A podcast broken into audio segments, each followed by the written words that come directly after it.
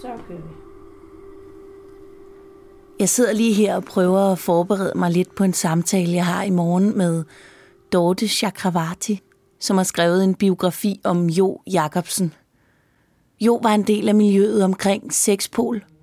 Sexpol var en lille revolutionær gruppe i 1930'ernes København, som kæmpede for fri abort, fri seksualitet, ligestilling mellem kønnene, for en anti-autoritær opdragelse, og de kredsede omkring Wilhelm Reich og hans orgasmeteori. Den lille gruppe mennesker og deres revolution laver vi en teaterforestilling over i Teater Stuk, som et samarbejde mellem Teater Grob og Aalborg Teater. Og det er derfor, jeg gerne vil tale med Dorte. For jeg er skuespiller, og jeg skal spille Jo. Og som skuespiller er det fantastisk, at der findes et virkelighedens forlæg. Det er rigtige mennesker, det her det handler om. Og nu har jeg chancen for at komme til at tale med en, der ved alt. Kender alt til Jo Jacobsen, virkelighedens Jo Jacobsen. Så jeg er spændt på at høre, hvem hun var. Hvordan hun var. Jeg glæder mig rigtig meget.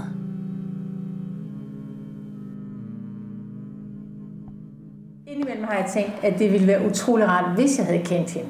Fordi som forfatter, der er jeg sådan meget bundet op på, at det, jeg kan skrive ind i en bog, det er det, jeg kan finde nogle kilder på. Altså det skal være bøger, det skal være dagbøger, breve, det, billeder, og, altså noget, der ligesom kan bevise det her menneske, Jo Jacobsen.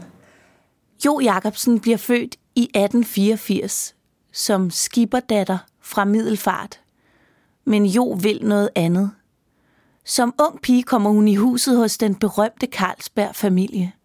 Og i 1906 blev hun gift med Vagn Jacobsen, som er søn af Karl Jacobsen. Her bliver hun en del af kultureliten, og hun omgås alle de fremmeste kunstnere og politikere i Danmark. Jo Jacobsen står jo det dilemma for det øjeblik, hvor hun står som Carlsberg med sine egne to børn, og i det her ægteskab, så bare ved at kvæle hende, at hun vil noget. Hun vil ikke bare være den her pyntefigur på Carlsberg. Nej. Hun vil noget mere. Men det er sindssygt svært at bryde ud af. Mm. Men også da hun er kommet ud af sit ægteskab, i forhold til det her med at have børn og til at have ansvar over for en familie, at få tingene til at, at spille. Og der må jeg bare sige, der var der for mig en kæmpe genkendelse. Mm. genkendelse. Jeg ved godt, hvad det er, hun taler om. Ikke i den her jo Jacobsens lidt ekstreme form, men i sin grundkerne. Og det tror jeg, der er rigtig mange, ikke mindst kvinder, der gør, Mm. hvad det er, der er på spil. Og det synes jeg egentlig var så, øh, så vildt i at for sig opleve, at på det her tidspunkt, 20'erne og 30'erne, der er der også kvinder, der, der rum, rumler med det her dilemma, som vi åndsynligt ikke helt har fået løst endnu. Hvordan får vi karriere og familieliv til at, Mm. mm. at svinge sammen? Det der øh, ægteskab med Carlsberg, Ja, med Vagn, hedder han ikke det? jo, jo. Ja. Var han voldelig over for hende? For Jeg det det siger hun jo i hvert fald, ikke? Hun siger det. Øh, han afviser det jo sådan, men det er jo rimelig klassisk, kan man Ja. sige, i ægteskaber, der er ramt af vold. Ja. At der er en, der siger, det er sket, og en anden, der siger, det ikke er sket. Der er ikke noget retsforløb. Der er ikke øh, nogen domme, der bliver fældet over ham. Der er ikke noget andet end hendes udsagn, som bliver afgivet dels i et skønlitterært værk, og dernæst i forbindelse med den retssag, der er, at de skal skilles. Jeg ved det simpelthen ikke, og jeg har også øh, tænkt meget over det, og også blevet ringet op af nogle familiemedlemmer, der efter bogen var kommet ud af, at Vagn Jacobsen var i hvert fald ikke, og man skal ikke fortælle den historie om alle hendes løgnagtigheder og sådan noget. Og der er jeg bare med at sige, at jeg stiller mig ikke til dommer over for det, for jeg kan simpelthen ikke gennemskue, var han eller var han ikke. Nej. Men jeg kan jo se, hvad hun siger. Jeg tror, de har været to mennesker i kæmpe uligevægt. Det tror jeg. Ja. Og jeg tror, at der har været virkelig mega store konflikter. Og i den forbindelse kan man godt forestille sig, at der også har været vold, ja. Jo vil være kunstner, og efter sin skilsmisse fra Vagn, debuterer hun med en selvbiografisk roman, der spider familien Carlsberg. Hendes roman bliver slagtet af pressen. Hun udgiver flere romaner, men bliver aldrig rigtig anerkendt.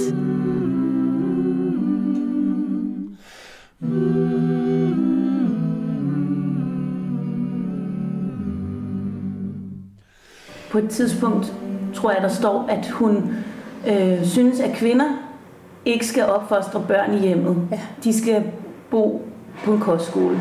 ja. Øhm, Og det tænker jeg, nå, okay. Jeg var også ved at trille ned af stolen, da jeg læste. Hun giver et interview, jeg kan ikke huske, hvornår det er. Jeg tror, det er begyndelsen af 30'erne. Øh, hun har været i Wien, og hun har set sådan nogle kæmpe bygningskomplekser, hvor ægtefolk får børn, og så deponerer de mere eller mindre deres børn i nogle institutioner, hvor de er. Øh, så forældrene får frigivet tid til at realisere de projekter, de mm. nu har. Øh, og i hendes aftale, der lyder det sådan meget, du ved, næsten børnehjemsagtigt. Mm. Øh, damer i hvide kitler, der opdrager de her børn, og hun er inde på, at de giver fuldstændig lige så meget kærlighed og omsorg og, og kvalificeret opdragelse som forældrene, så alt er godt. Og der, det, det må jeg alligevel sige, det synes jeg også, da jeg læste det, var et rimelig ekstremt standpunkt at tage, mm. altså det her med at deponere sine børn. Men, hvis man lige ser ud over det, jeg mener, jeg ved ikke, om du har børn, men jeg har tre. Ja, ja. Altså, jeg vil ikke sige, at jeg har gået og drømt om at få lov til at deponere dem til nogle hvidkidlede kvinder. Men indimellem. jo er en kvinde med stærke meninger, og hun er ikke bange for at sige dem højt. Og hun kommer i utallige konflikter og får mange uvenner på den bekostning. Altså, der er jo rigtig mange, der føler sig lidt frastøtte af hende. Mm-hmm. Fordi hun bare tonser igennem, og hun gør til højre og venstre, og hun bruger folk, og så dropper hun dem igen og sådan noget. Og der er også mange, der har sagt til mig, at hun ikke er gal, eller hun ikke dit, og hun ikke datten. Og det, det synes jeg ikke, hun er. Nej. Altså, hun har meget kant. Ingen tvivl om det, og frygtelig besværlig og alt det her. Men jeg er også sikker på, at hvis man havde mødt hende, så tror jeg egentlig, hun havde været inden for rammen af det normale, mm. med lidt vige rammer for det normale, men sikkert en markant skil, som, som havde krævet rummet, men men jeg tror ikke, hun havde været okay at være sammen med. Og det er sådan noget, hvor jeg sådan tænker, der kender jeg hende ikke. Det ved jeg ikke. Jeg ved ikke, hvordan Jo Jacobsen har været. Mm-hmm. Og det er sådan, øh, så jo, jeg ved en masse om hende og sådan noget. Det gør jeg selvfølgelig, jeg har nogle indtryk. Men der er stadigvæk nogle sider, hvor jeg bare tænker, wow. Jo Jacobsen har den her, som jo er meget fascinerende, men måske også lidt frastødende i bund og grund. Hun har jo et formidabelt blik for at gå efter de bedste drenge er det jo overvejende i klassen. Altså, det er jo Løgnbak en af de fremmeste inden for det her seksuelle felt i, i Danmark, og det er Steinke en af de fremmeste inden for politikken, og det er Bukholz en af de fremmeste inden for litteraturen. Så hun nøjes jo altså ikke med nummer to eller tre i hierarkiet. Og da hun så besluttede sig for netop at interessere sig for det her emne, eller bliver fanget af det, så, så er det selvfølgelig lærer hun Løgnbak at kende, Danmarks abortlæge der. De har et fælles emne, som de kæmper for. Hun er en ivrig samfundsdebattør, der taler for fri abort, for oplysning om prævention og for et lystfuldt kærlighedsliv. Og det kan man sige, det er jo også rimelig fascinerende, at hun som kvinde, hun har jo ikke nogen uddannelse, altså hun får jo spillet sig ind her, hendes udsagn mm-hmm. og hendes, øh, det hun skriver, altså det, det respekterer de jo og, og bruger til noget. Men det, der er så underligt, og det er noget af det, som jeg synes er også er uforløst med min egen bog og sådan noget, det, det er ligesom, hvorfor hun på det her tidspunkt, hvor han er under anklage for at udføre øh, ulovlige aborter, hvorfor hun vælger at vende sig imod ham. Hun går ind og, og, og kommer og øh, går til politiet og retssag afgiver vidnesforklaring omkring øh, dødsfald og det ene og det andet, og hvad der er forkert ved hans metoder og sådan noget. Og det er meget, meget specielt, det hun gør. Mm. Og selvfølgelig fører det også efterfølgende til et brud imellem de to. Og altså, det, og, og, og, og det får store konsekvenser for hende, må man bare sige. Og jeg tror, at altså, det, det man lidt oplever det med Jo Jacobsen, det, hun er så, det siger hun igen og igen, det her med sandheden. Og altså, det er så vigtigt for hende. Mm.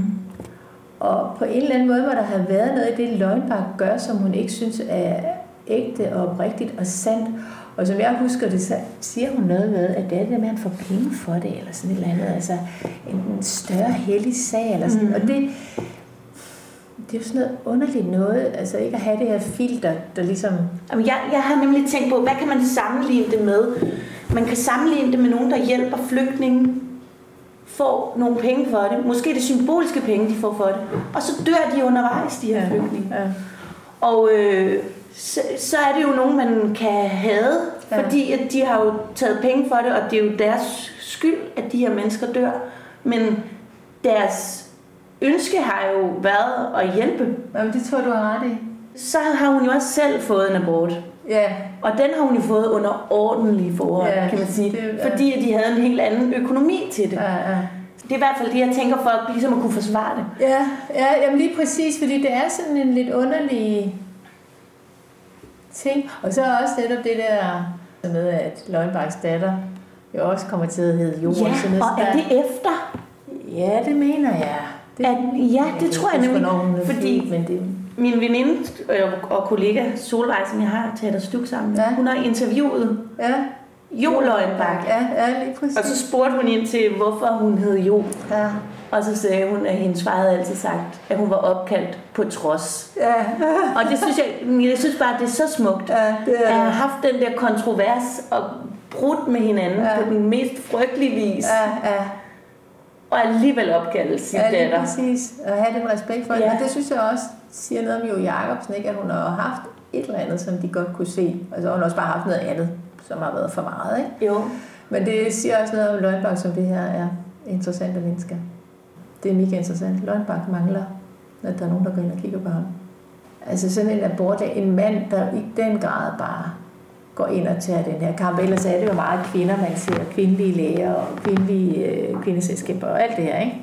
Men det her med, at der er en mand, der i den grad går ind og betaler så en pris, som han jo gør. Ja. Det synes jeg, og så selvfølgelig også den her dramatiske afslutning, drukner han ikke? Og, ja. Altså, det er så... Altså,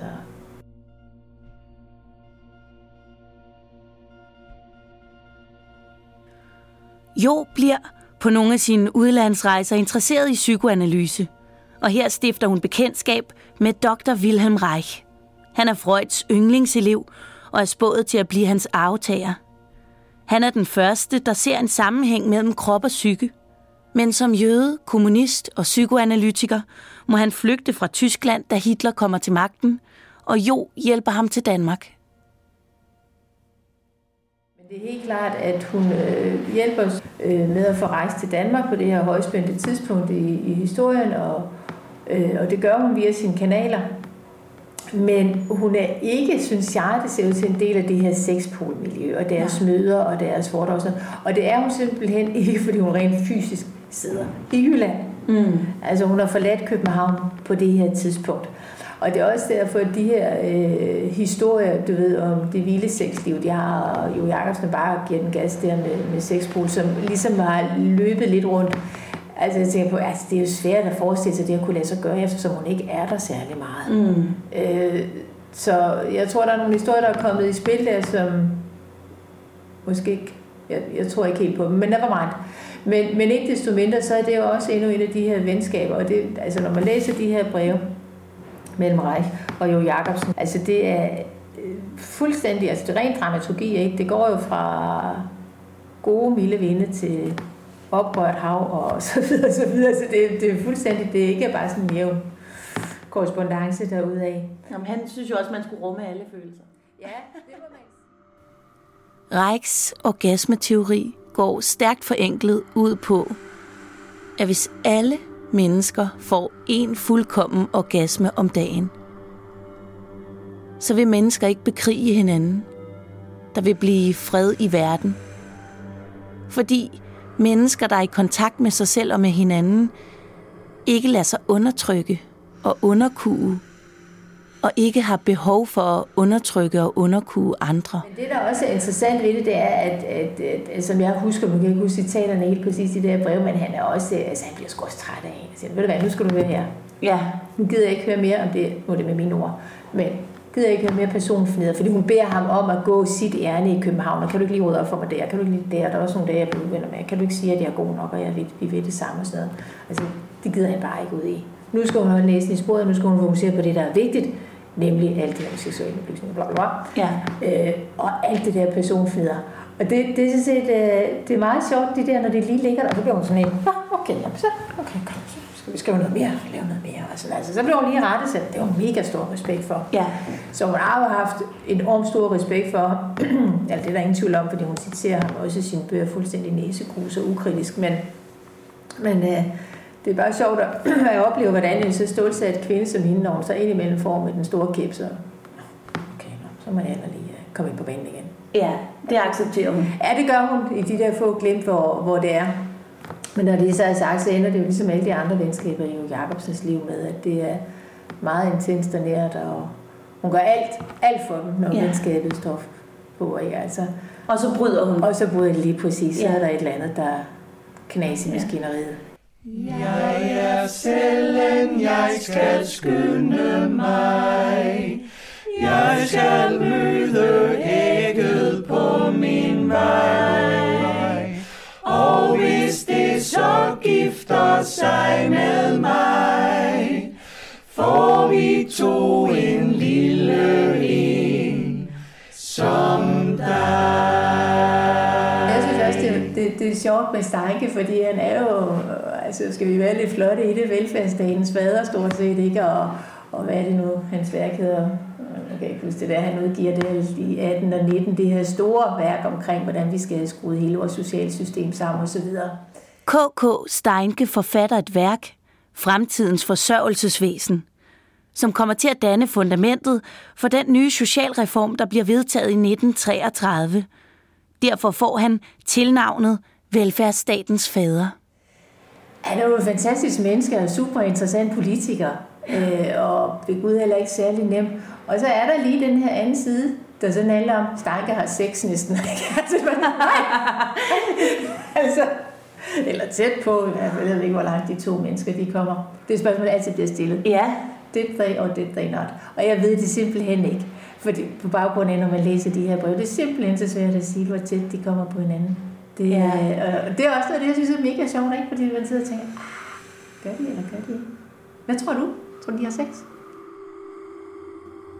Jos venskab med Steinke varer hele livet og er stærkt passioneret. Øh, jeg, nej, jeg tror det ikke.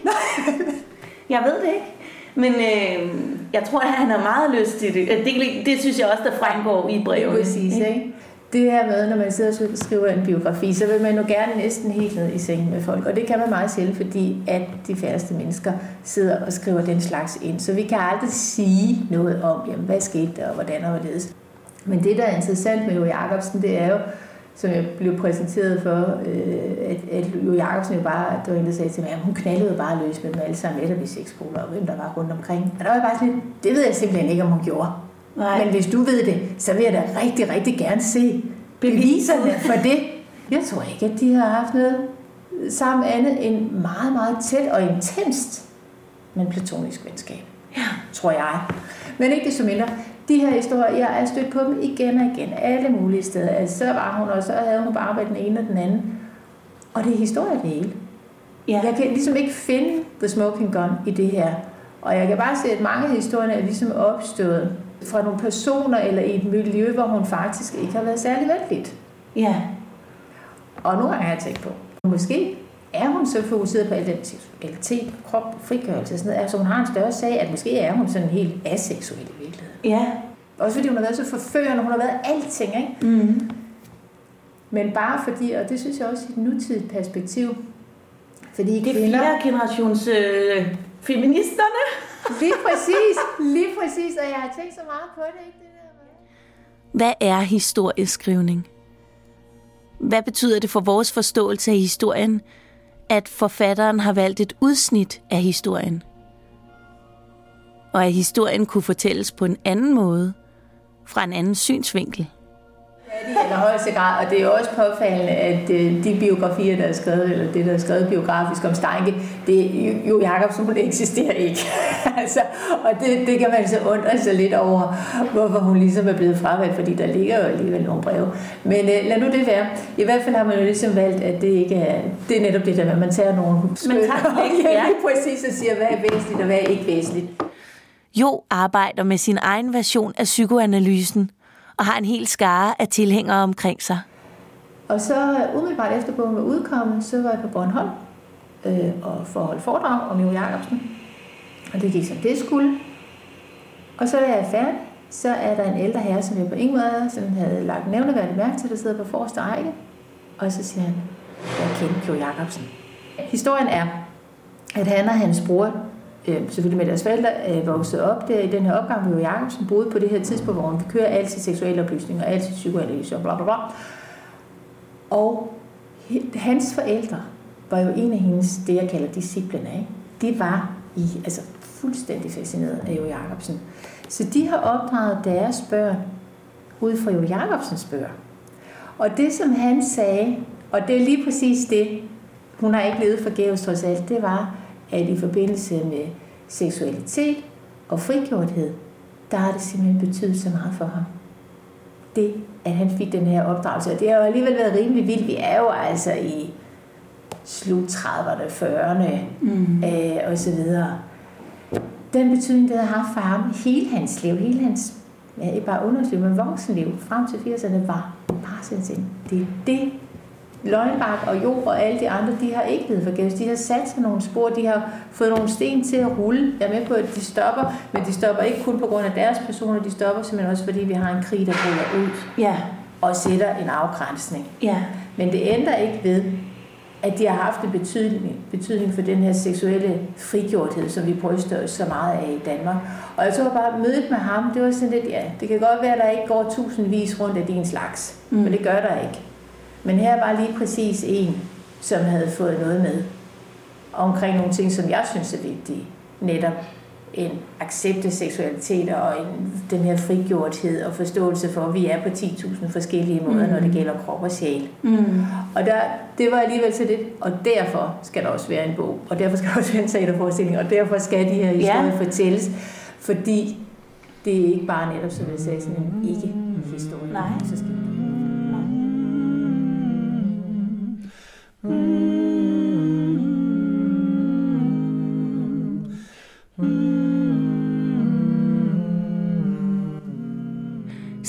har ikke levet forgæves. De har kæmpet en vigtig kamp, som jeg er taknemmelig for, at de har kæmpet. Og jeg glæder mig til at spille jord.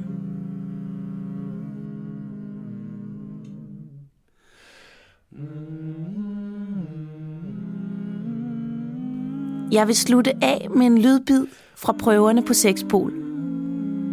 Jo skrev en række seksualoplysningssange for børn på salmevers og andre kendte sange, og dem blev hun frygtelig til grin over.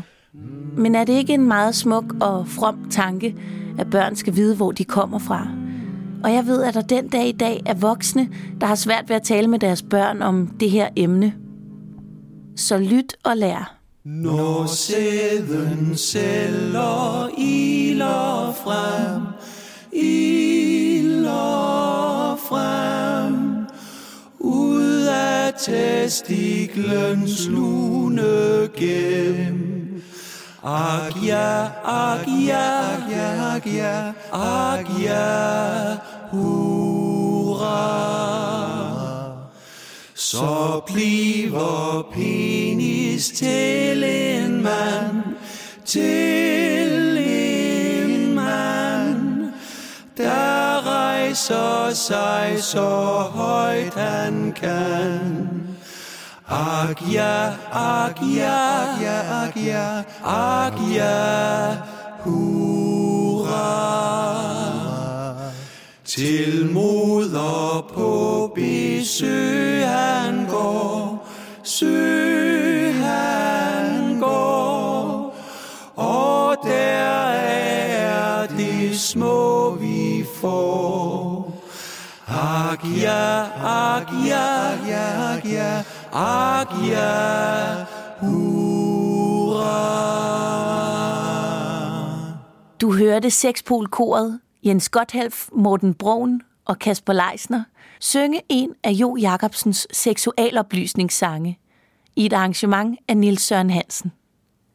Og kom så ind og se vores forestilling på Teatergrup i september 2018 og på Aalborg Teater i oktober 2018. Du lyttede til en podcast af Teater Stuk. Mit navn er Katrine Høj Andersen. Læs om forestillingen Sexpol på Teaterstuks hjemmeside teaterstuk.dk. Lydsiden er Asger Kudals lyddesign fra forestillingen. Desuden medvirkede Helle fra Gralid, Solvej Kyung-suk Christiansen og undertegnede. Tak til Dorte Chakravarti for en spændende snak om jo. Ej, skal vi så også lige have du, du, du, mandekoret? Den er så kort. Du, du, og så kommer vi ind med... Øh... Nå, bam, bam. Nej, det gør ikke noget. Det gør ikke noget. Er det den lille kort, du vil have? Ja. Bom, bom. Altså er det bom, Ja, bom? ja. Øh, og Det er den, G, tror jeg. er, det er, hvad den hedder. Nå, er det det? Jeg skal lige have min bam, bam. Skal jeg- Den er her, Kat. Bom, bom, bom. Bom, bom, bom, bom. Ba-da-dam, bam, bam. Og den må godt have lidt mere fremdrift efter. Ja. Bom, bom, bom, bom, bom, bom, bom, bom, bom, bom, bom, ba-da-da. Bom, bom, bom, bom, bom, bom, ba, ba-da-dam, bam, ba. Når cellerne sig skynder med ekstra hast fra far til mor, så sker det, at der kommer en søster eller bror. En gang til. På, bare på tekst nu, ikke? Når cellerne sig... Det er jer, der starter den, ikke? Jo. Når cellerne sig skynder med ekstra hast fra far til mor, så sker det, at der kommer en søster eller bror. Det ikke super. Nej, det gjorde jeg ikke. Et sidste gang. Okay, men skal vi så ikke tage Så op med? Skal vi tage starten med.